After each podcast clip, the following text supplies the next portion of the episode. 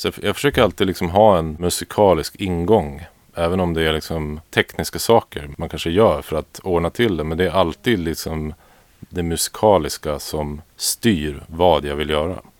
Alltid.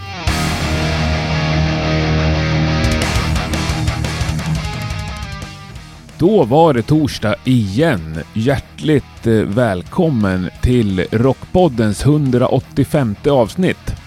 Jag snackade ju eh, bara för några vecka sedan här om det här med mastering av skivor och eh, jag tog tag i det där direkt. Så idag har vi en av dem som mastrar absolut flest eh, rock och hårdrocksplattor i Sverige som gäst. Det är Magnus Lindberg. En oerhört duktig och intressant person som förutom att mastra en massa också mixar en hel del och även producerar några projekt då och då. Sen är han också en av dem som är och driver den fantastiska podden Musikproddpodden. Tycker jag verkligen att alla ska kolla in om man är intresserad av musikproduktion och ljud och fördjupande nörderi inom det ämnet. En hel del gäster har varit med både där och i Rockpodden. Varma rekommendationer. Tyvärr så snackade vi nästan ingenting om det i avsnittet. Eller ja, nej, vi snackade ingenting om det faktiskt. Det får bli en annan gång, men vi får kompensera det genom att lyssna på podden helt enkelt. Och som om inte det var nog så är ju Magnus också trummis i Cult of Luna. Innan vi rullar igång så skulle jag återigen vilja passa på att tacka alla er som stödjer Rockpodden via Patreon. Patreon.com rockpodden. Där kan du gå in om du vill bli en i det där härliga gänget. Det är helt underbart och eh, utan er så vet jag inte om Rockpodden hade funnits kvar. Stort tack hörni och stort tack också till alla er som swishar en liten slant då och då. 070 77 38 200 77 38 200 är det man gör det på. Det är eh, också helt fantastiskt. Nu flyttar vi in i Magnus studio för ett eh, härligt snack.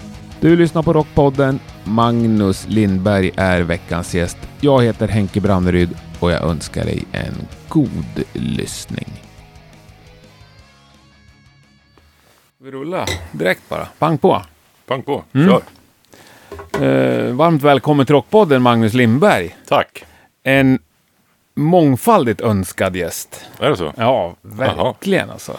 Vad roligt att höra. Eh, jag tror till och med att det är så att jag liksom fick reda på vem du var genom folk som önskat dig. Så jag, jag brukar ändå kolla upp alla önskningar. Mm. Mm. Du har ett Ja, namn coolt. som är lite anonymt och Ja. du... Nej, jag är ingen artist eller någonting sånt. Nej. Nej. Men eh, när man rotar lite så är det ju sjukt intressant. Ja. Mm.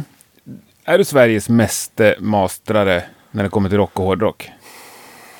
Oj, jag, pff, ingen aning. faktiskt. Men lätt en av dem i alla fall.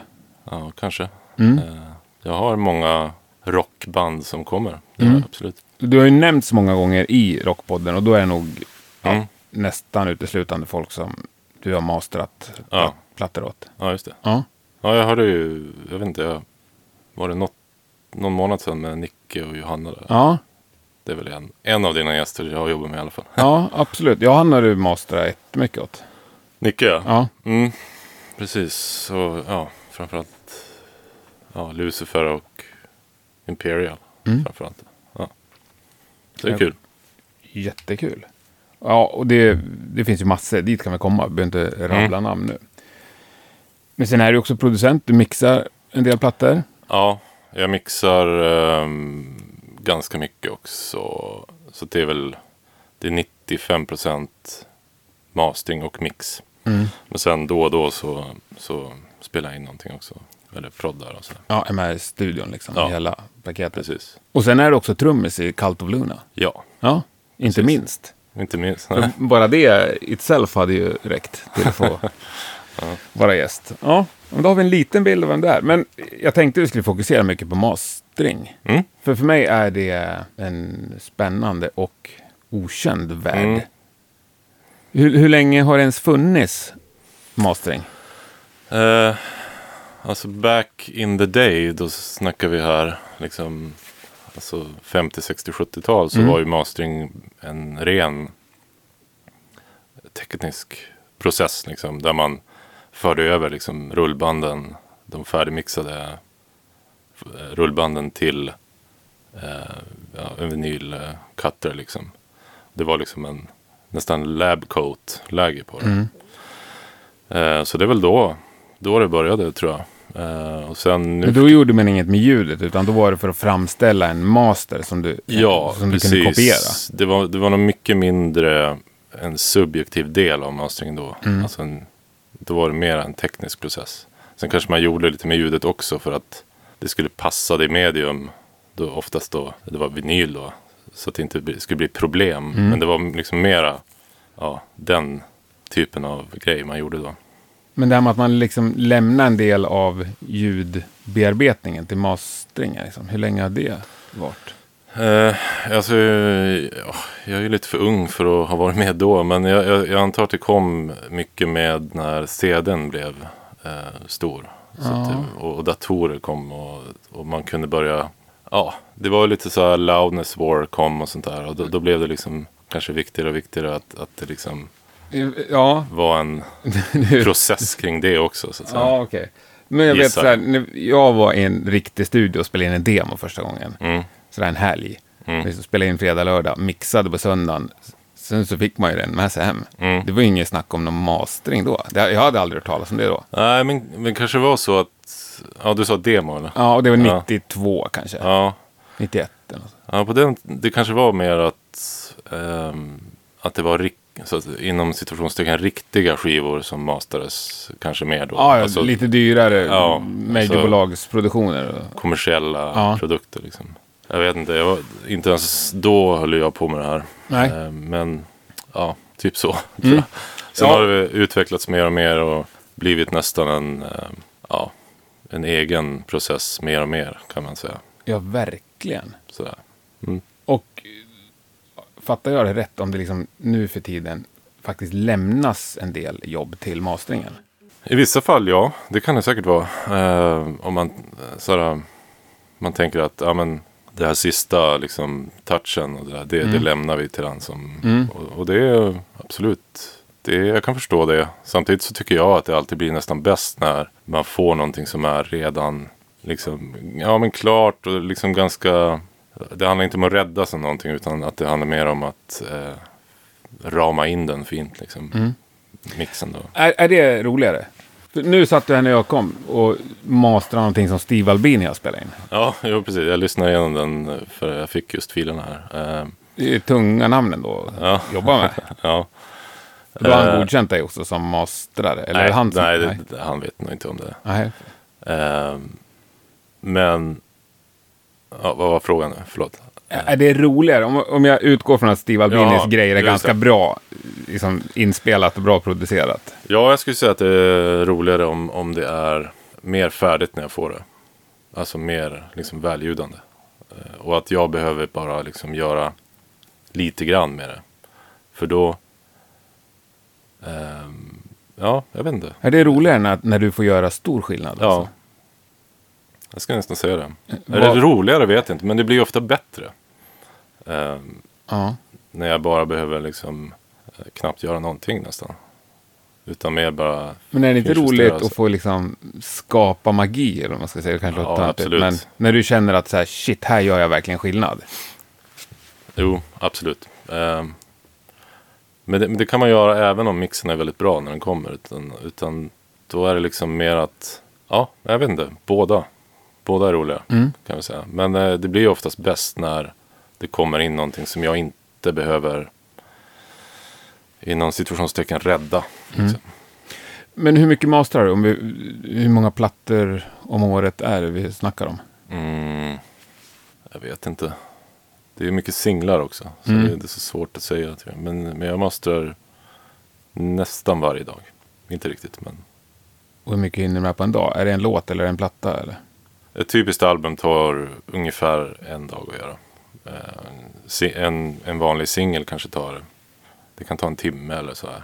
Allt mellan en halvtimme och en och en halv timme beroende på hur, man, hur mycket man måste kämpa med det. säga. Men, men det är ruskigt många projekt på ett år då? Ja, gör. det blir det. Alltså, för ma- I mastering just så är det ju så korta projekt. Mm. Eh, de tar ju, liksom, jämfört med mix eller liksom, så är det betydligt fler individuella projekt. Jag fattar. Men eh, lyssnar du på något sätt och godkänner grejer som du inte känner till? Innan jag tar Tackar med jag- det? ja. Ehm, nej, inte, inte mastering. Det gör jag inte. Ehm, Du mastrar vad skit som helst. Om vi får uttrycka det så. Nästan. Ja. Det, har- det har hänt att jag har sagt att eh, ja, det, det här liksom, jag kan inte göra så mycket med det här. Det, det, men det är väldigt, väldigt sällan. Mm. Men i mix så är det viktigare för mig att det är liksom bra, bra gjort. Mm. Och så här. ja, det förstår jag. Mm. För det är så mycket, ja man har ju så mycket mer eh, möjligheter i mix och, Mm. så här, och man blir också väldigt begränsad när någonting antingen är dåligt musikaliskt eller tekniskt. Så. Så att, eh, men i mastering så känner jag mer att det är liksom en, ja, det Men, men ska vi liksom nörda ner oss i- lagom nivå? mm, Eh, Hur, hur, vad det är du gör? Hur ser det ut från början? Får du en WAV-fil, en stereofil? Ja, ibland är det en stereofil per låt och ibland så får man till och med eh, kanske en stereofil av instrumentaler och sånt där. Eh, oftast när när det gäller popmusik så är det ju ofta kanske en, en vanlig mix, en singback för liksom Mm. tv-framträdanden och så är det kanske en instrumental för synkar och så. här. Okej, att du ska mastra tre olika Ja. varianter. Men, men om vi tar en låt som ska Ja. göras så, då är det en stereofil. Det är aldrig så att du får spår. Eh, ibland, det händer ibland att man får stems, som Mm. det kallas. Eh, alltså grupper liksom. Eh, personligen tycker jag att det är, alltså jag gör det, men jag tycker hellre att man ska ta besluten i mix. Ja, Liksom. för annars blir det nästan att mixa. Exakt, då blir det Mm. något slags mellanting där och så blir det, ja. Jag kan förstå varför folk vill göra det ibland, absolut. Men eh, bäst är det tycker jag när man får Mm. någonting som folk, de som har mixat, eh, verkligen står för det. Så att Mm. säga. Besluten är tagna. Ja, jag fattar. Ja, men säger och i, i normalfallet så får du en stereofil. Mm. Eh, vad gör, vad är det första du gör liksom? Alltså jag skulle säga att eh, för mig så är mastering tre olika delar nästan. Mm. Den första och kanske viktigaste det är just det här med att lyssna på låten med objektiva öron. Liksom när man, ehm, ja, någon som förhoppningsvis har erfarenhet och liksom lite koll på läget, kanske på genren och sådär, hör låten för första gången. Och kanske direkt hör om det är något problem eller någonting annat som måste liksom fixas. Men då lyssnar du bara på ljudet. Eh, ja, ljudet, fast det är ju musiken som kommer ut. Liksom. Så, att, Jo, men om du hör direkt att den här hi-haten kommer bli problem. mm, så kan det vara. Ja, Så, så oftast så här, när, om jag lyssnar på en låt så kanske jag vet inom 20 sekunder ungefär vad jag vill göra. Jag har Mm. kanske direkt att den är kanske lite för lite botten eller mycket botten. Eller lite för vass. Eller något sånt där saker. men reflekterar du över huruvida låten är bra? Eh, svårt att Ja, jo men det gör jag absolut. Eh, så jag, jag försöker alltid liksom ha en musikalisk ingång. Även om det är liksom tekniska saker man kanske gör för att ordna till det. Men det är alltid liksom det musikaliska som styr vad jag vill göra. Alltid. Går det att utveckla? Det är inte, jag tittar inte på några liksom frekvensgrafer och sådär för att avgöra, ta beslut om vad jag ska göra med till exempel en equalizer. Nej. Eh, och sen när har liksom kanske vet vad, ungefär vad jag vill göra. Sen då börjar jag liksom lyssna väldigt detaljerat. Och då kanske man hittar massa små grejer så här. Kanske är något. Eh, kanske att refrängen till exempel inte lyfter tillräckligt mycket. Enligt mig. Då kanske jag gör någon liten eh, volymboost till exempel på refrängen. Eller att eh, jag tycker att verssången är för begravd. Mm. Så kan man göra lite små fix med det liksom. Eh, men allting är väldigt, oftast väldigt små detaljer. Men liksom. fortfarande lyssnar du bara, eller har du börjat pilla nu så att säga? Ja, då, då har jag börjat pilla liksom. Ja. Eh, och så sen... Eh, ja, men liksom den här första delen, det är den här liksom objektiva första intrycket. Eh, och sen är det ju då den här subjektiva delen. Eh, där man ju tar beslut som är av musikalisk natur. Liksom. Till exempel det här med jag sa med att man kanske vill höja refrängen. Mm. Det är ett musikaliskt beslut. Mm. Det är inte ett tekniskt beslut. Eh, och sen så, ja precis, det är lyssningsdelen och sen den subjektiva delen. Och sen den sista grejen, och det gäller framförallt när man gör album, så är det också en, en ganska tråkig ad, admin-del också. Där man, du ska stava liksom låttitlarna rätt och Mm. um, exportera all, allehanda filer och sådär. Den liksom, Det som du kommer ha en assistent till när du blir lite ja, större. jag vet inte, man måste vara så, jag vet inte, jag litar liksom bara det, alltså jag vill, så, man måste vara så noggrann så jag vill inte Ja, lägga bort det liksom. Nej. Det finns ju anställda som kan vara sjukt Ja, noggranna. ja, absolut. absolut. Jo, men ja, okej då. Jag, jag kommer ihåg att jag snackade med David som har Gröndal Mm. om det här. Han sa att någon gång hade han skickat till fyra olika mastrar för att få, liksom, ja. Prover. Ja. Mm. Och han sa att det kunde låta så otroligt olika. Ja. Ja, precis. Alltså, Så det för- finns ju något konstnärligt i det. Ja. Det finns en, som jag sa, en eh, subjektiv del som absolut har att göra med den personen som, som jobbar med det. Mm. Precis som att eh, det är samma sak i mix till exempel. Men kanske att i mastering så är det en mycket mindre del som är subjektiv. Mm. Men det är lika, lika fullt en del som är subjektiv och som har med människan Mm. bakom spakarna att göra. Så att.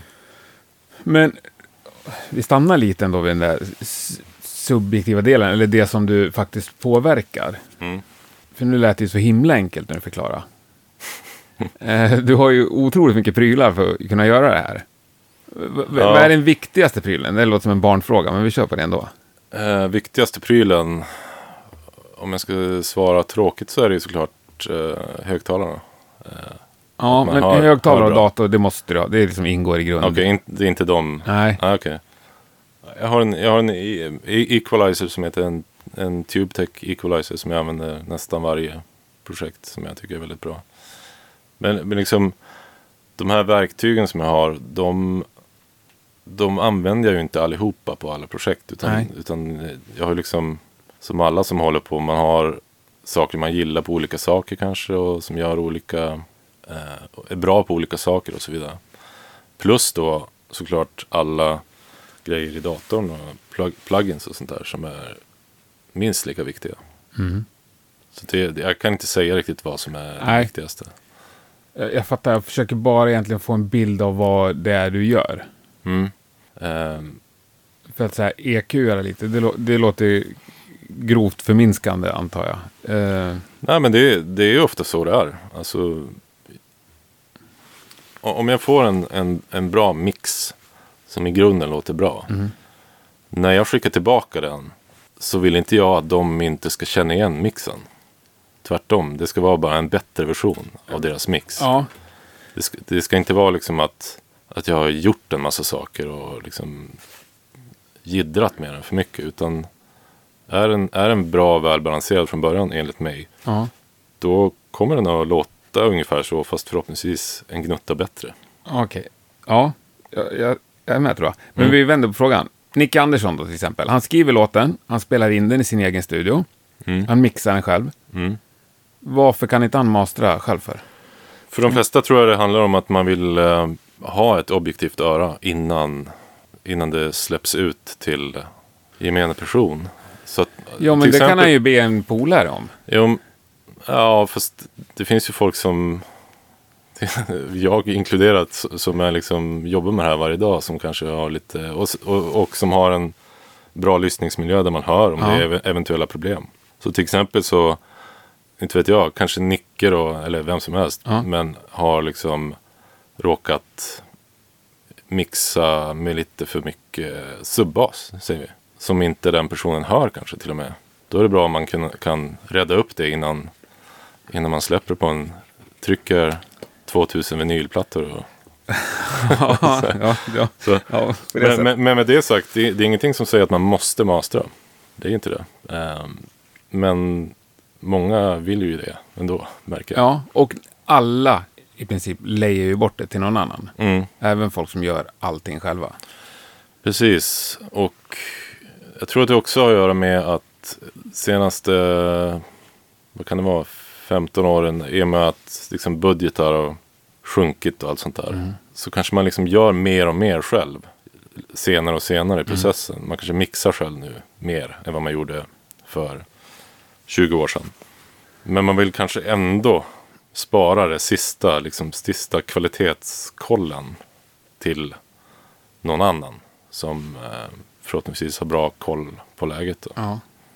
Händer det att sådana blir besvikna liksom? För de tänker att nu har vi gjort allting själva hemma i någon slags amatörvariant av det. Mm. Och sen så tänker jag, äh, så skickar vi det till Magnus så kommer det låta proffsigt i alla fall. Ja, men det är absolut. Det kan ju hända att man har för, för stora förväntningar på vad jag eller någon annan som master kan göra. Absolut, det har definitivt hänt. Hur ofta det du får tillbaks en master med eh, feedback liksom? Eller skickar du alltid en provmaster? Hur funkar det? Ja, ja, men jag, jag, vill ha, jag vill ha feedback. Ja. Eh, Jag vill att folk ska lyssna på det jag har gjort där de är vana att lyssna. Och liksom allmänt kolla att det känns bra. Eh, Jag får feed, alltså ibland, vissa projekt kan det vara att det blir tre, fyra versioner. Och vissa, ganska ofta så är det bara första versionen. Eller kanske en liten grej och så är det klart sen. Så det är helt olika. eh, faktiskt. Och, och, och det, det är inget som säger att jag, bara för att jag skickar iväg något så är det helt perfekt. Då. Jag, menar, det, jag vill gärna ha andra öron på det också. Mm. För, speciellt de som har, som är inblandade såklart. I artisten eller producenten eller allihopa, bandet. Mm. Men det här med lyssning. Du, du har ju svinbra lyssningsmiljö, jag ju bara. Mm. Du har liksom ett par högtalare som kostar sjukt med pengar. Och så lyssnar ju inte folk sen. Men är det för att du ska kunna liksom upptäcka allt? Ja, exakt. Ja. Alltså, om man tänker så här att, ja men precis, det du säger att ja, men folk lyssnar ju liksom i, i sitt vardagsrum, säger vi, på, på någon stereo där. I bästa fall. Ja, jo exakt. Men eh, då kan man ju säga, ja men varför mixar man inte i sådana hög eller mastrar i sådana högtalare då? Jo, det är ju för att då har man bara, då har man liksom jobbat för en, ett par högtalare bara. V- Hur liksom, hur, så att alltså, i korthet så när man hör saker på ett bra sätt med en, liksom, en eh, linjär lyssning, om så kallar det, så tenderar det att funka bäst över hela liksom, spektrumet av lyssningar som folk har. Men lyssnar du igenom i någon annan miljö också eller? Ja, men jag, jag har lite eh, referenshögtalare. Så till exempel den där bergsprängaren där Ja. uppe. Den är inte kul tycker jag.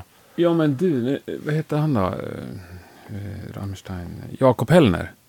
Ja, just det. Han sitter också med någon sån där som han satt och Mm. referenslyssnade med. Mm. Och sen lyssnar jag själv. Alltså en eh, gammal 80-talsband. Ja, en som vi hade i högstadiet, vi som är födda på 70-talet. Mm. Ja. Och sen lyssnar jag själv mycket i mina såna här noise cancel-lurar som jag har på tunnelbanan. Mm. Om, jag, om jag vill lyssna på något så är det ofta de jag använder. Alltså som referenslyssning. Men, men i, i stora drag så litar jag väldigt mycket på det jag hör här. Och det har visat sig funka bra. Liksom. Ja. ja, du litar på högtalarna och dig själv. Ja. Ja. Ja, precis. Både och där. Mm. Ja. Så, så om, jag, om det är ett problem så ska jag kunna upptäcka det här. ja, annars är det ett sjukt litet problem. Ja, förhoppningsvis. Men hur räddar du om dina öron? Eh, går jag på gig så har jag alltid öronproppar. Ja. Spelar jag trummor så har jag alltid öronproppar. Men annars så är det väl, ja. Jag spelar inte så jättestarkt här inne heller. Utan det är ganska så här lagom volym ofta. Men inga andra åtgärder för att skydda dina öron? Nej, alltså, nej. Men eh, absolut, eh, jag har öronproppar på gig. Jag. Och definitivt när jag spelar trummor. Ja, det är farligaste. ja, Virveln. exakt. Men eh, kan du höra eller märka skillnad på din egen hörsel beroende på trötthet och dagsform? Ja, eh, det där är intressant faktiskt. För att jag har lärt mig hur, hur jag fungerar. Och, och eh, ju längre dagen går, desto mer bumligt tycker jag att saker är. Alltså, det, är, det är väl säkert att man blir lite trött och så hör man kanske lite mindre diskant. Det är väl mer det kanske. Så jag försöker tänka på det. Om jag tycker att något, om jag kanske masterar en låt klockan fem på eftermiddagen. Så har jag det liksom som en liten klocka i bakhuvudet. Som bara, okay. vänta nu, skär inte för mycket botten nu kanske. Mm. och, och sen generellt så försöker jag alltid att styra den här första delen som vi snackade om i mastering. Mm. Alltså den, när man lyssnar kritiskt. Mm. Eh, den försöker jag ofta styra om jag kan till tidigare på dagen. Och så kanske jag sparar typ eh, revisioner eller feedbackvändor eller exportering och sånt där till senare på dagen. Mm. Så att jag är så pigg och fräsch som möjligt när jag ta, ska ta liksom, kritiska beslut om ljud. Så att, ja, det är så här erfarenhetsgrej ja, som... Det är svinspännande. Det är mm. sådana små detaljer men som såklart är sjukt viktiga i ditt jobb. Ja, men för, för jag har ju märkt, alltså man... Eh, ibland kanske man jobbar på någonting som man inte tänker skicka iväg förrän dagen efter. Man vill själv liksom sova på saken. Mm. Då kan det ofta vara så på morgonen efter så bara, åh fan, eh, det var inte alls bumligt det här som jag tyckte i, igår kväll. Nej, spännande. Mm. Jag hörde någon sån grej också att du ska, innan du går och lägger dig på kvällen så dra ner liksom, sen om musik eller tv, så här, men precis så att du hör. Mm. Att du kan urskilja allting. Mm. Sen sätter du på det, du låter, du låter volymknappen vara, så slår du på det på morgonen så upplevs det som ganska starkt. Liksom. Ja. ja, verkligen. Mm. Sen är det viktigt att ta pauser också tycker jag. Ja. Jag tar paus Är du duktig på det? Ja. Um... Har du något tricks för att komma ihåg det? Ja men okay. Eh, varje timme försöker jag liksom Alltså det, man vill ju ofta ta en paus varje timme naturligt mm. tycker jag. Om man ska gå på toa eller man vill fylla på kaffe eller, eller så är det lunch eller så är det någonting annat. Så det, det blir ganska naturligt men jag sitter väldigt sällan liksom, tre timmar i sträck och blästar. Det, det händer men mm. oftast så försöker man ta små mikropauser liksom och gå ut och ta lite frisk luft eller vad som helst. Kan det hända att du rensar öronen om du lyssnar på något annat? Um, nej. nej, hellre tyst. ja, det rensar bättre än att ja. slå på en ACDC. Mitt ja, verkligen. Ja. Det blir lite nybörjarfrågor här, du får stå upp mm. med det. När du har gjort din då eh, inställning för aktuell låt som du ska mastra. Ja. Händer det någonsin att du pillar under låtens gång? Eller? Ja, ja. absolut. Förklara. Alltså generellt sett så brukar jag, det här jag snackade om att man, man vet direkt ungefär vad man vill göra mm. med låten. Det är oftast på de analoga grejerna. Men sen kan jag göra liksom massa pill mellan, eh, mellan start och slut på den här låten digitalt till exempel. Men alltså när du spar slutresultatet menar jag? Mm, jaha, Eh, eller vad menar du? Så? Ja, att du liksom rent fysiskt så här, sitter och skruvar på en skruv när refrängen kommer. Alltså den gången du spar ner det. Jaha, nej. Nej. Allt sånt gör jag i datorn. Allt sånt som, som ska ske dynamiskt. Ja. Det, det ritar jag in i, i datorn. Okej. Okay. Ja. Det här uh, fysiska. Nej, du jobbar inte med mixerbord på det sättet? Nej. Nej, och de fysiska de är mer liksom en, en, den breda penseln bara. Och så sen är det ofta allt. Alla små detaljer görs i, mm. gör i datorn. Går du tillbaka och lyssnar på gamla grejer som du har mastrat? Ja, men ibland. De, alltså, vissa grejer tycker jag ju, eller många grejer verkligen, tycker jag är svinbra musikaliskt. Alltså rent så här, ah, som ja, lyssnar. Du gillar bandet? Att, ja, ja, absolut.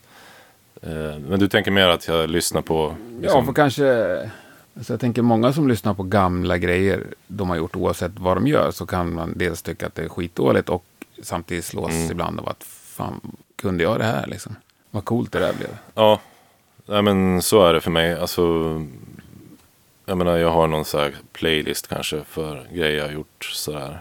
Um, om man går tillbaka kanske för grejer man gjorde för många år sedan. Så, så blir jag, kan jag ibland bli så här, ja fan, det var inte så dumt det här. Liksom, Um, Vilka, och det är ju du... kanske framförallt när jag kanske har mixat grejer som jag... Ja, ja, det blir lite mer personligt. Ja, sätt, exakt. antar Det är lite mer stämpel på, på en mix än vad det är på, Mm. på en master. Eller det är ganska mycket med.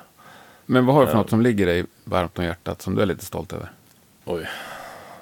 Jag vet inte, jag har gjort så himla många saker. Ja, men nu på senaste har jag gjort några bra grejer. Om jag pratar mix då. Mm. Så är det ju kanske den här nya Dool-skivan som jag mixade. Ehm, ett band som heter Heads som jag har mixat. Ja, jag lyssnar på dem. Släppte typ ny platta i, idag tror jag. Alltså när vi spelade in det här. Ja, du ser. ja, jag, jag såg att du hade lagt... Jag var inne och lyssnade på dem. Ja, Lät jävligt noise rock typ. spännande. Ja. Ja. Ehm, nej, men det är massa grejer. Alltså, jag vet inte, gamla Cult of Luna-skivor kan jag tycka är bra så här i efterhand också. Mm. Ehm, alltså ljudmässigt också. Ehm, ja, jag vet inte. Det är massa. ja. Men då tar vi oss in på Cult of Luna. Eh, din roll i Cult of Luna inspelningsprocessen. Den är att vara bakom spakarna. Du spelar inte ens trummor på plattorna. Nej. Det är ju så jävla coolt och annorlunda, tänker jag. Mm. Nej, vi, vi har ju, alltså vi är ju två. Alltså Thomas Hedlund, han är ju eh, förmodligen en av ab- Sveriges absolut bästa trummisar. Så att han, han spelar. Jag gör det jag gör bäst och han, det gör, han gör det han gör bäst helt enkelt. Ja. Jag på någon gammal skiva så har jag spelat lite grann faktiskt. Men eh, annars nu på senaste tiden, senaste plattorna jag ska säga, eh, är det ju bara honom. Mm. Och eh, det är kanon. Men det känns inte konstigt på något sätt. Nej, Nej. absolut inte. Du känner ändå som trummis i Luna. Ja, inte, inte i studion. Men, Men du, ja, men live, live är en annan grej. Liksom. Ehm, men ja, det är bättre så tror jag. Att vi fördelar liksom, rollerna på det sättet. Får just i studion. får du tycka om hans trumlir i studion? Oh ja, Ja. Alltså, vi, Är- är jag, jag och liksom- Thomas har ju spelat in tillsammans, jag vet inte hur många skivor. Men det är mer än tio i alla fall. Ehm, så vi har väldigt bra så här, kommunikation och sådär. Men är du uttalad producent på Cult of Luna? Det här kanske borde känna till. Eh, nej, jag skulle säga att vi, vi producerar tillsammans. Mm. Eh, möjligtvis att jag kanske producerar ljuden lite grann. Själva liksom. Men i, nej, vi är ju nog mera liksom kollektivt producenter. Mm. Men sen är du helt ansvarig för inspel. Ja, det tekniska och Ja. liksom sätta ljud och kanske sådär. Ja. Eh, Sen har vi också en, en eh, keyboardist som heter Christian som, som är väldigt duktig också på studiogrejer. Så han, han gör en del sånt också när vi spelar in. Liksom. Vad, Så. hände, vad hände med Luna? Ni släppte ju en skitbra platta förra året. Mm. Tack. Eh, vi, ja alltså, jag var med på en Europaturné i vad var det, november, december. Mm. Gick kanon. Sen var de andra, jag var inte med då, men de var ju i USA, USA precis när corona. Aha. Så att de hann ju precis eh, flyga hem innan alla flyg började. De hann slutföra turnén. Ja, Ja. precis på, på dagen nästan. Så det var, det var tur. Mm. Men du var inte med? Nej. Eh, jag kunde inte då. Eh, ja, sen gjorde ni, det kanske var ett tag sedan, när Vasateatern. Ja, precis. Var det ett par års? Nej, det var det. Nej, det var väl i höstas. Ja. Då var jag inte heller med faktiskt. Eh, Nej, jag var inte där heller. Jag hade tänkt det, men... Det... nej, jag, jag, var, jag var där faktiskt. Ja, du var Det var där. jättekul. Men inte spela? Nej. Det var en del av en, en Skandinavien-turné som jag inte var med på. Men det var jättekul att, att Jag se. ställer frågan igen, men du är trummis i Cult of Luna? Ja, men vi, vi har alltså... Vi har liksom... Det är jag och Tom, Thomas. Och så en jag som är med live ibland. Och så är det ju en... Vi har en tredje liksom stående vikarie som heter Christian. Mm. Så vi liksom... Senaste... Eh, senaste mm, åtta, nio åren så har det varit att det såna roterar på tre. Okej, men vad gör Thomas när du spelar trummor? Ja, vi är två tr- trummisar live. Är det sant? Mm. Det här borde jag ju veta. Eller, vi, vi har varit det ganska mycket senast i alla fall. Okej, men då kör han ensam, eller då tar han in den här Christian? Då är Christian med, ja. Ja. Precis. Så ni är alltid två Så live? det är alltid två, eh, i stort sett. Sjukt pinsamt är- att jag inte känner till det. Ja. Eh, Två trummisar på scen på tre pers kan man säga. Mm. Totalt. stenhårt ju. Eh, men du, producentrollen, hur väljer du vilka projekt du ska kliva in i då? För då tänker jag att du gör det med själ och hjärta och Ja. en enorm massa tid. Eh, när det gäller att prodda eller alltså, göra en skiva från ax till limpa då ska det verkligen vara något som jag verkligen vill göra. Eh, om man nu bortser från Carl Luna då som Mm. ju är en, en av de typerna av projekt så ja men då ska det vara ehm, saker som är bra band liksom. Ehm, kanske bra folk också förhoppningsvis som man ska kunna hänga i studion på ett trevligt sätt. Ehm, I princip vad folk du känner till innan. Alltså. Ja, det måste inte vara det, men ja, eh, visst. Mm. Det har ju hänt ganska många gånger att man har jobbat med band flera gånger sådär. Hur mycket frågor får du? Om producering? Ja. Det är inte så mycket faktiskt. Eh, utan det, det har blivit nu att jag jobbar mest med, så att säga, postproduktion Mm. av musik. Mix och mastering och så. Men det är väldigt, väldigt, väldigt kul att, att eh, göra något från grunden. Eh, det är ju liksom en helt annan kreativ eh, boost. Så här. Och jag tänker att du måste också kunna dra nytta av de olika rollerna du har. Mm. Alltså man blir bättre på en grej om man kan alla de andra. Ja, absolut. Eh, så här, att, att jag både mixar och master gör att man kan ta beslut tidigare som man Mm. kanske vet kommer att funka Mm. sen. Sådär. Eh, så det är, en, det är en, verkligen en fördel tycker jag. Att ha koll på hela processen så att Mm. säga. Men när det kommer till mixning, hur mycket tackar du nej till där? Uh, mixning är väl någon slags mellanting där. Eh, jag vill att det ska, ja, där, där händer att jag tackar nej till saker om jag inte tycker att det låter bra nog. Jag, från början, alltså från själva Mm. inspelningen. Så jag brukar vilja att folk skickar, alltså om jag inte redan vet att bandet är bra. Mm. Om det är ett band jag inte känner till så vill jag ofta ha någon slags slaskmix på det de har spelat in. Så man, så man vet att man inte sitter där och bara attans. Mm. Det här var ju... Det här låter ju inte bra. Nej. Eh, För det, för det blir inte... Det är varken rättvist mot mig själv eller mot bandet. Att liksom ta betalt för något där jag inte kan, tycker jag själv, då, göra det.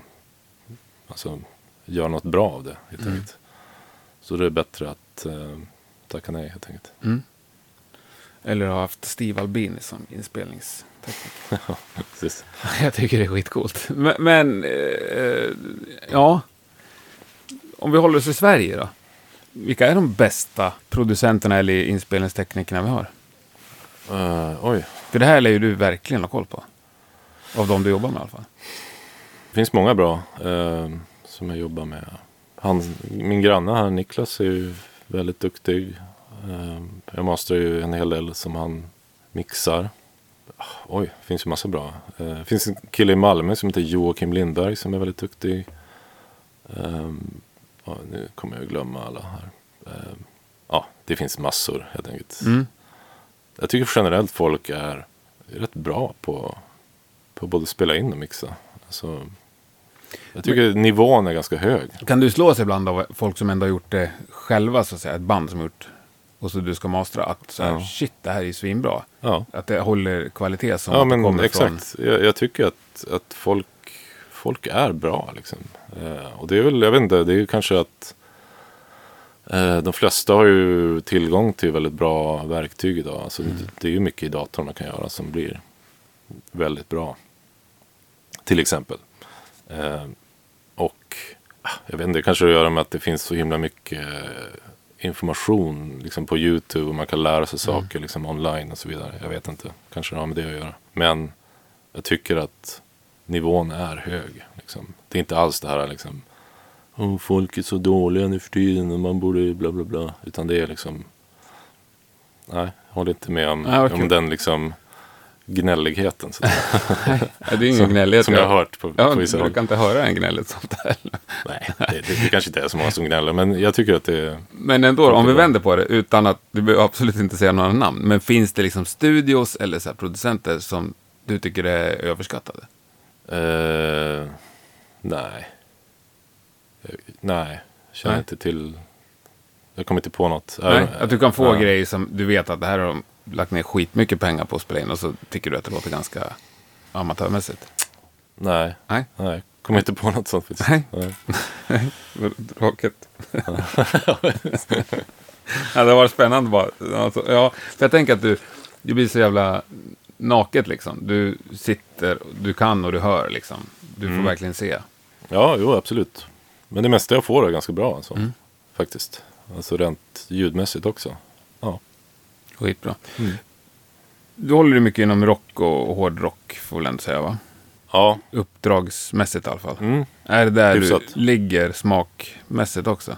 Eh, ja, jag, jag tycker ju om ganska mycket musik. Men ja, absolut. Min, min liksom hemmaplan från grunden är väl liksom indie-rock-världen egentligen. Mm. Typ. Norrlands In- HC. ja. Ja, men exakt. Ja. Eh, organisk liksom. Förstår vad jag menar. Eh, det är väl liksom min hemmaplan rent. Ja, men organiskt du menar jag så, trummor, bas, gitarraktigt. Ja, exakt. Inte massa syntar Och, och- och kanske inte så mycket trigg och sånt Nej. där. Inte liksom metal, metal sådär. Utan mera, Spelad. mer åt rockhållet. Ja. säga. Ja. Ja, men det, där är jag nästan helt enig. Och där är vi liksom, det är väl ofta där i den skolan jag också får eh, spela in och prodda också. Mm. Just. Men, men i, just i mastering så är det ju, där är det ju väldigt varierat. Gör du allt där? Eller finns det grejer som du backar för rent genremässigt? Gör du hiphop liksom? Ja, Ja. det är hiphop. Eh, pop också, alltså riktig li- listpop Ja. så att säga. Eh, det kan vara rätt kul också att eh, få till liksom det här ja, popsoundet liksom. Eh, alltså i mastering så är det ganska mycket olika saker. Men det är ju mycket rock också. Det är det ju. Vilken är det en låt som har nått störst framgång som du har mastrat? Oj. Det är någon av de här pop, alltså om man pratar så här Spotify så här, så Ja. är det någon av de här poplåtarna kanske. Ja, vilken då? Oj. Det kan vara kanske någon sån här, ehm, kanske någon singel med Thomas Stenström eller Tjuvjakt eller något sånt där. Riktig, ja, P3-dänga. Ja. Typ något sånt ska jag gissa. Jag, jag har lite dålig koll på, på vilka låtar som blir stora och inte faktiskt. Det, jag håller inte jätte- Men du skulle haft koll om du hade mastrat en Sara Larsson-hit liksom. Ja, men det är någon, någon sån grej är det ju absolut som jag Mm. nämnde. Eh, Sara Larsson har inte gjort, Nej. till exempel. Nej, men Thomas Stenström, det är ja, det är ändå organiskt. Ja, absolut. Men det kan ju ändå vara stort liksom. Ja, ja, ja absolut. Men jag tänkte när du säger pop, liksom, det, hamnar det även i Sara Larsson-facket? Ja, det, det händer. Ja. Absolut. Jag vet inte om jag är dryg, men jag blir inte riktigt nöjd med de här mastering-svaren. kan du liksom... Ja, kan du, när du lyssnar på annan musik, Mm. kan du liksom höra huruvida det är bra eller dåligt mastrat? Eh, nej, det, det tycker jag inte. Jag hör om det låter bra, men sen måste det inte vara just... Eller så här. Eh, om det låter väldigt, väldigt bra så är det ju också bra masterat förmodligen. Men det måste inte sitta mest i masteringen så att säga. Utan det, kan ju, det är ju ofta prodden och mixen förstås som är det viktigaste. Men när jag lyssnar på musik som för nöjes skull. Mm. Så, så skulle jag säga att jag inte tänker så mycket på sånt faktiskt. Jag försöker liksom koppla bort det. Nej, och det är, väl- måste kanske vara ganska skönt. Ja, För annars blir ju nöjet av att lyssna på musik totalt noll. ja. Ja. För mig är det ju, alltså när jag lyssnar på musik så Stå på krogen, fan vad dåligt mastrat. Ja, exakt. Däremot kan jag ju verkligen uppskatta en cool produktion och så här, att det är attityd i saker. Och, Mm. så här. och det, det kanske man är mer eh, tänker på mer än en gemene person. Liksom. Eh, Säkert. Men jag, jag skulle inte säga att jag liksom håller på liksom, och gnäller på att för mig själv då eh, att någonting låter mindre bra sådär. Nej. Utan eh, musiken är det viktiga. Ja, ja, jag fattar. Men du kan slås av ändå, du står i en bardisk, rockklubb, Mm. halvhög musik liksom. Och du har inte lagt märke till musik på en halvtimme, så kommer AC/DC så låter det som att de har höjt 10 dB. Ja, ja men precis. Eh, ja, absolut. Ja. Kan du Eh. förklara vad det beror på?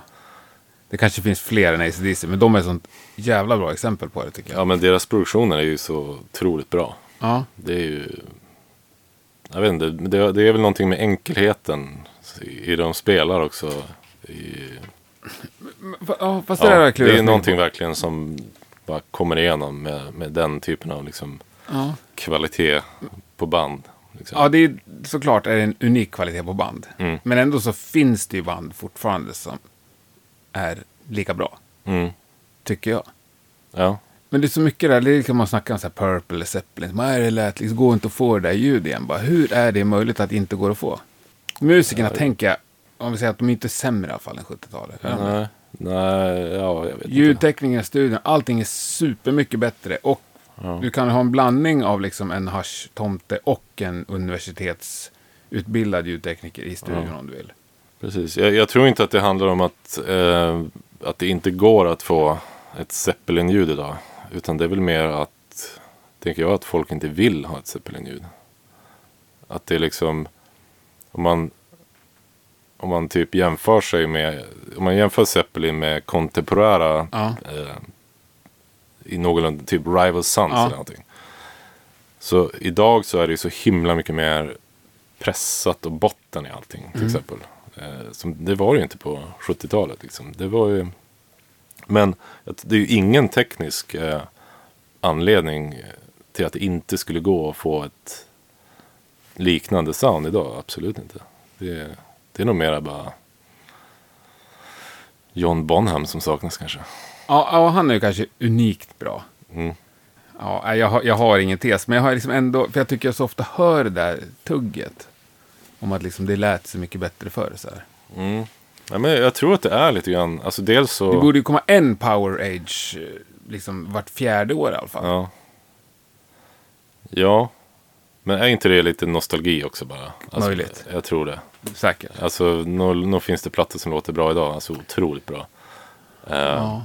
Men det, ja, det låter inte som det gjorde då. För att det finns andra, andra ljudideal och, och, och um, referenser idag. Ja. Tror jag. Nej, det är kanske jag som ska... Eller jag, så jag lyssnar på jätt... nästan bara på ny musik, men ja. Mm. Ja, men jag älskar ju också de, de där gamla 70-tals rock eh, sounden och sådär. Eh, men när det kommer till kritan så vet jag inte om så många skulle vilja egentligen ha det soundet idag. Man vill nog ha, kanske att folk vill att det ska vara lite fläskigare idag ändå. Ja, och så kan man inte hålla sig så man vrider Nej, på lite fläsk. Exakt. Alltså bara fan, den här plattan den är ju fläskigare än våran, tänker man kanske. Och så vrider man på massa botten. jag vet inte. Ja. Jag vet inte. Ja, nej, nej men det där, jag ska fortsätta luska i det där. Jo, ja, men hur länge, hur länge har du försörjt dig på det här? Jag Ja. tror att du är en av få jag träffar som ändå lever gott på sitt yrke i musikbranschen. Alltså, Ja, oj. Jag lever i alla fall. ja, ja precis. Nu kanske det lät som de Ferrari utanför. Men du är i alla fall klädd och kan handla jo, mat på vägen hem ja. från jobbet.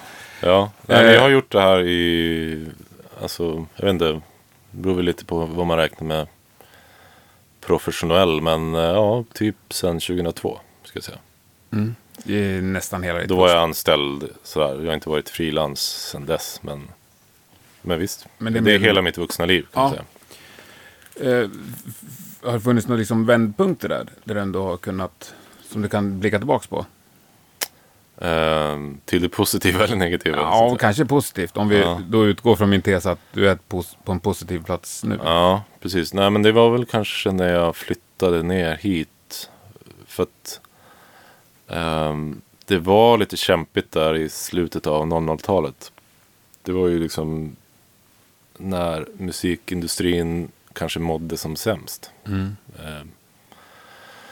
Eh, och jag, ja, då jobbade jag i en studio i Umeå som heter Tonteknik. Och det, liksom, det dalade ju neråt för den branschen då. Mm. Ganska ordentligt. Men det hade ju varit en ganska bra och välrenommerad. Ja, oh ja. Det, är alltså, det var ju, Refused och... Ja, massa utländska band Ja. vi hade vi där. Ehm, så det var otroligt kul. Men sen var det ju, det blev väl lite kämpigt där.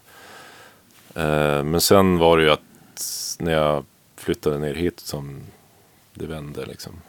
Och det var ju därför jag flyttade ner också. Delvis. Det var också personliga skäl liksom. Mm. Ska man vara frilans inom ett så pass smalt område som detta är. Så, så är det bättre att bo i Stockholm än i Umeå. Så. Mm. Men hade du lite jobb då direkt när du flyttade? Hade du jobb med det så att säga? Ja, jo, absolut. Jag hade ju, Mm. alltså, jag hade ju jobbat redan i jag vet inte, nästan tio år då. Så att, Mm. Eller åtta eller någonting. Så jag hade ju liksom en, en kontaktnät som jag tog med mig så att säga. Men kan du se någon platta eller något projekt så här, som du har varit med och gjort som har liksom lett till en jävla massa andra bra grejer?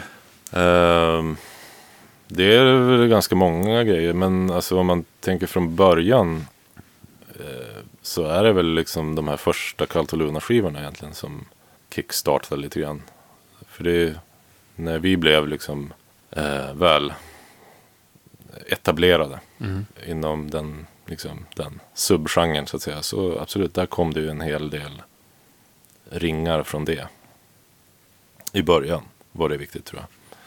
Nu är det ju mer allt möjligt liksom som ger ringar. Ska, jag säga. Eh, många bäckar små läget. Eh, men då var det absolut att det är många som, jag tror många som håller på eh, och lever på det. Känns det som har ju något slags bakgrund av att spela i ett band faktiskt. Att man liksom branchar ut till att börja jobba mer och mer i studio från att vara med i ett band som, som det kanske går lite bra för till och med och sånt där. Sådär. Mm. Kontakter och ringa på vattnet och sånt. Jag tänker, folk som hör av sig till dig för första gången gör väl det för att de har hört någonting de gillar. Eh, Och tänk, Ja, jag tänkte ja, men mest, oftast- är, är du, har du någon grej som du brukar få höra då? Eller kan det vara, Nej, det är nog mer alltså att det är massa grejer som Mm. jag, alltså det är ingen sån här, åh det där, nu hade jag en stor hit där. Utan det, nej men det, fler kanske nämner Tribulation än Wolves in Haze. Har jag jobbat med Wolves in Haze? Ja, det kanske jag har. Visst har du väl det? Bra fråga. Men, Enligt eh, Discogs har du det. Ja, okej. Ja, men då har jag det. Hoppas jag att jag inte ljuger. Det är svinbra. Band för övrigt. Okej, ja. Ja, nej. ja. men visst. Ju större band kanske, desto större chans kanske Mm. att någon har hört det. Såklart. Men jag tror också att det är mycket så, word of mouth. Alltså att kanske ett band som man har jobbat med som är nöjda snackar med sina polare som spelar ett annat Mm. band. Bla bla bla. Och så bara Han är bra, han är sprider snabb. sig. Ja, precis. Det är nog mycket det också. Ja. Men nej, jag, kan inte, jag kan inte säga något. Kanske förutom då Kallt och Luna i början. Så kan jag inte säga någon specifik skiva som har liksom gett ex mycket mer ringar på vattnet än någonting annat. Nej. Jag tror det är mycket så här mängden som, är, som är det viktiga. Liksom. Jag brukar avsluta med att snacka lite framtid. Eh, hur ser framtiden ut i tekniken? När det kommer till mastering framförallt. Oj. Eh, Vad tror du har utvecklats om tio år? Det är nog förmodligen sådana här äh, inom situationstecken AI plugins och sånt där. Att, att datorn äh, gör ett jobb åt den s- som är liksom lite mer intelligent. Du kan programmera datorn efter dina öron. Ja men typ. Det finns ju redan idag. Det finns ju ett såna här- Magnus-filter bara. Ja, Ja. eh, redan nu finns det ju sådana här så kallade Ja. robotmasteringssajter. Liksom. Hur Eh, funkar det de? Ju, Har du De- provat på skoj? Ja, jag har faktiskt gjort ett, vi gjorde ett avsnitt om det där med Musikprodpodden. Eh, de funkar ju inte jättebra om man, om man bryr sig. Eh, men Nej, för, jag. för, vissa, för vissa ändamål så har Mm. de absolut en plats tycker jag. Eh, kanske för demos eller Mm. mm. sådana där saker. Eller bara om man helt enkelt inte har, absolut inte råd att master med någon. Och, och kanske inte är bekväm att göra det själv. Absolut, då kan det vara. Men eh, det är ju musik man pratar om ändå. Så att, och då tycker jag att det ska vara en människa som tar besluten. Ja, helt enig. Mm. Fruktansvärt tråkigt annars. Ja, men om du tänker på ditt jobb då? Finns det någonting här som kommer att förändras? Högtalarna, kommer de vara bättre om tio år? Ja, kanske. Eh, högtalare har väl utvecklats lite grann kanske. Men det är fortfarande samma grundidé. Att det är en vibrerande pappkon. Eh, Och en ma- Magnetspolare. Magnetspole, exakt. Jag vet inte, jag tror...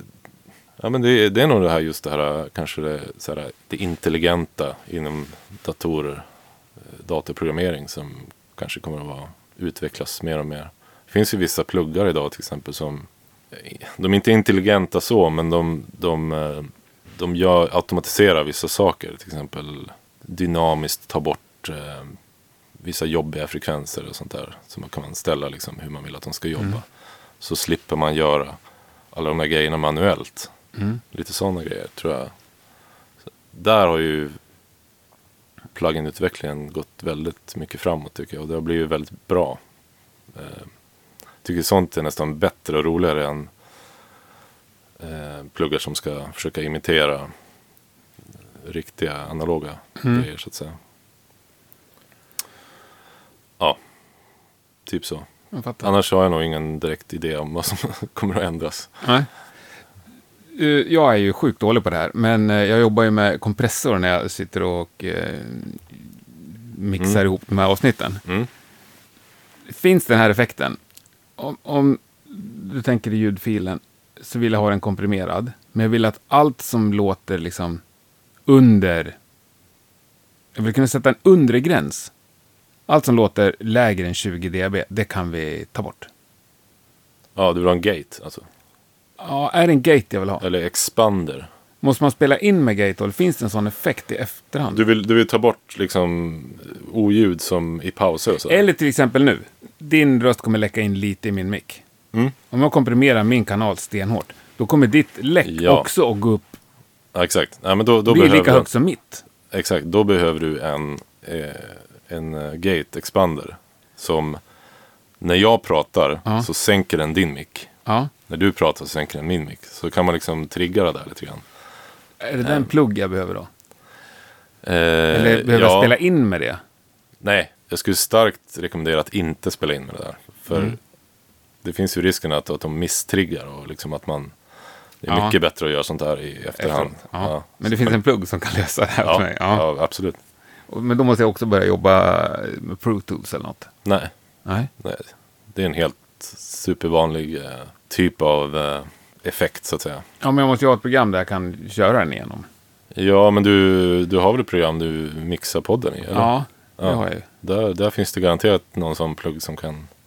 Expander. Men, men en expander och en limiter? Eller vad sa du? Ja, precis. Ja. Eh, så att det du vill ha, när, när, när ljudet sjunker under en tröskel Mm. så trycker den ner den. Mm, exakt. Mm. Och den Det- effekten heter? Expander. Ja. Eller gate är liksom eh, den extrema versionen av det. Det blir helt tyst. Men, men det är kanske inte det man vill. Nej, Utan det, det fattar jag. man vill ha en mellanting där. På en körmick. Ja. Ja. ja, men vad bra. Då fick jag lite utbildning också på köpet. För att skicka faktura sen. uh, ja, men, grymt trevligt. Ja, Jag ska avsluta med en, en fråga som jag brukar avsluta med. Mm. Eh, Sveriges mest underskattade band. Oj, det borde jag ju funderat på. Jag har ju hört dig ställa den frågan. Jo.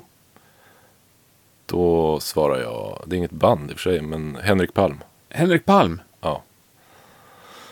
Bra svar. Artisten Henrik Palm. Mm. Eh, han, hans förra skiva, eh, vad heter den? Many Days kanske. Är ju otroligt bra tycker jag. Ja, Och jag har precis, eller inte precis, men för någon månad sedan så masterade jag hans nya skiva också. Mm. Lika bra. Nej, jag tycker det är så jäkla bra alltså. nej, härligt. Jag kanske borde söka upp han. Det är många som pratar om honom Mm. i gör olika sammanhang. Ja. Han är extremt, liksom både, både bra liksom gitarrist och extremt bra uttryck och så här. Bästa, bästa av båda världar. Låter ju som en dröm. Mm. Nu tar vi helg tycker jag. Det gör vi. Ja, Tack för att du kom hit. Ja, men stort tack för att du fick komma. Grymt ingen trevligt. Tack. Hej! Ja, då blev vi kanske lite klokare kring det här med mastering och eh, fick en liten bild av vem Magnus är. Stort tack för att du har lyssnat. Nu fortsätter vi eventuella diskussioner och spörsmål på sociala medier. Rockpodden är ju relativt aktiva både på Facebook och Instagram. Stort tack till alla er som hörde av sig efter förra veckans avsnitt förresten. Gud vad det plinga i mobilen och datorn. Jörgen Sandström var en eh, himla trevlig och populär gäst visade sig. Det är alltid kul. Nästa vecka är Rockbaden såklart eh, tillbaka. Vi kör på en liten stund till innan det är dags för sommaruppehåll. Och eh, apropå det här med att inte ha eh, råkoll på allt här i världen så avslutar vi då det här med Wolves in Haze och min absoluta favoritlåt All or Nothing. Tack och hej!